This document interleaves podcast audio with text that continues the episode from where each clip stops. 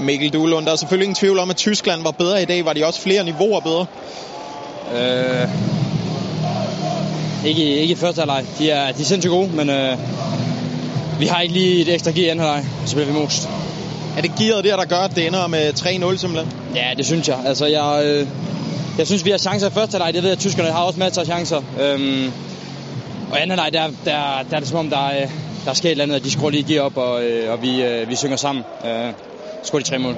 De her to kampe, vi har set ved den her slutrunde, som betyder nu, at det er slut for Danmark. Er det det niveau, I har?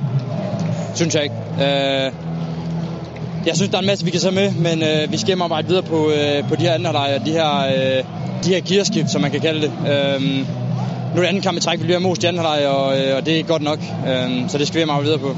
Hvad tænker du om, om den her måde, I har sagt farvel til det her EM på? Ah, det er forfærdeligt. Øh, lige nu har jeg ikke så meget at sige. Øh, jeg er pisse skuffet. Det er, det er røvirriterende, men øh, vi må videre. Tak.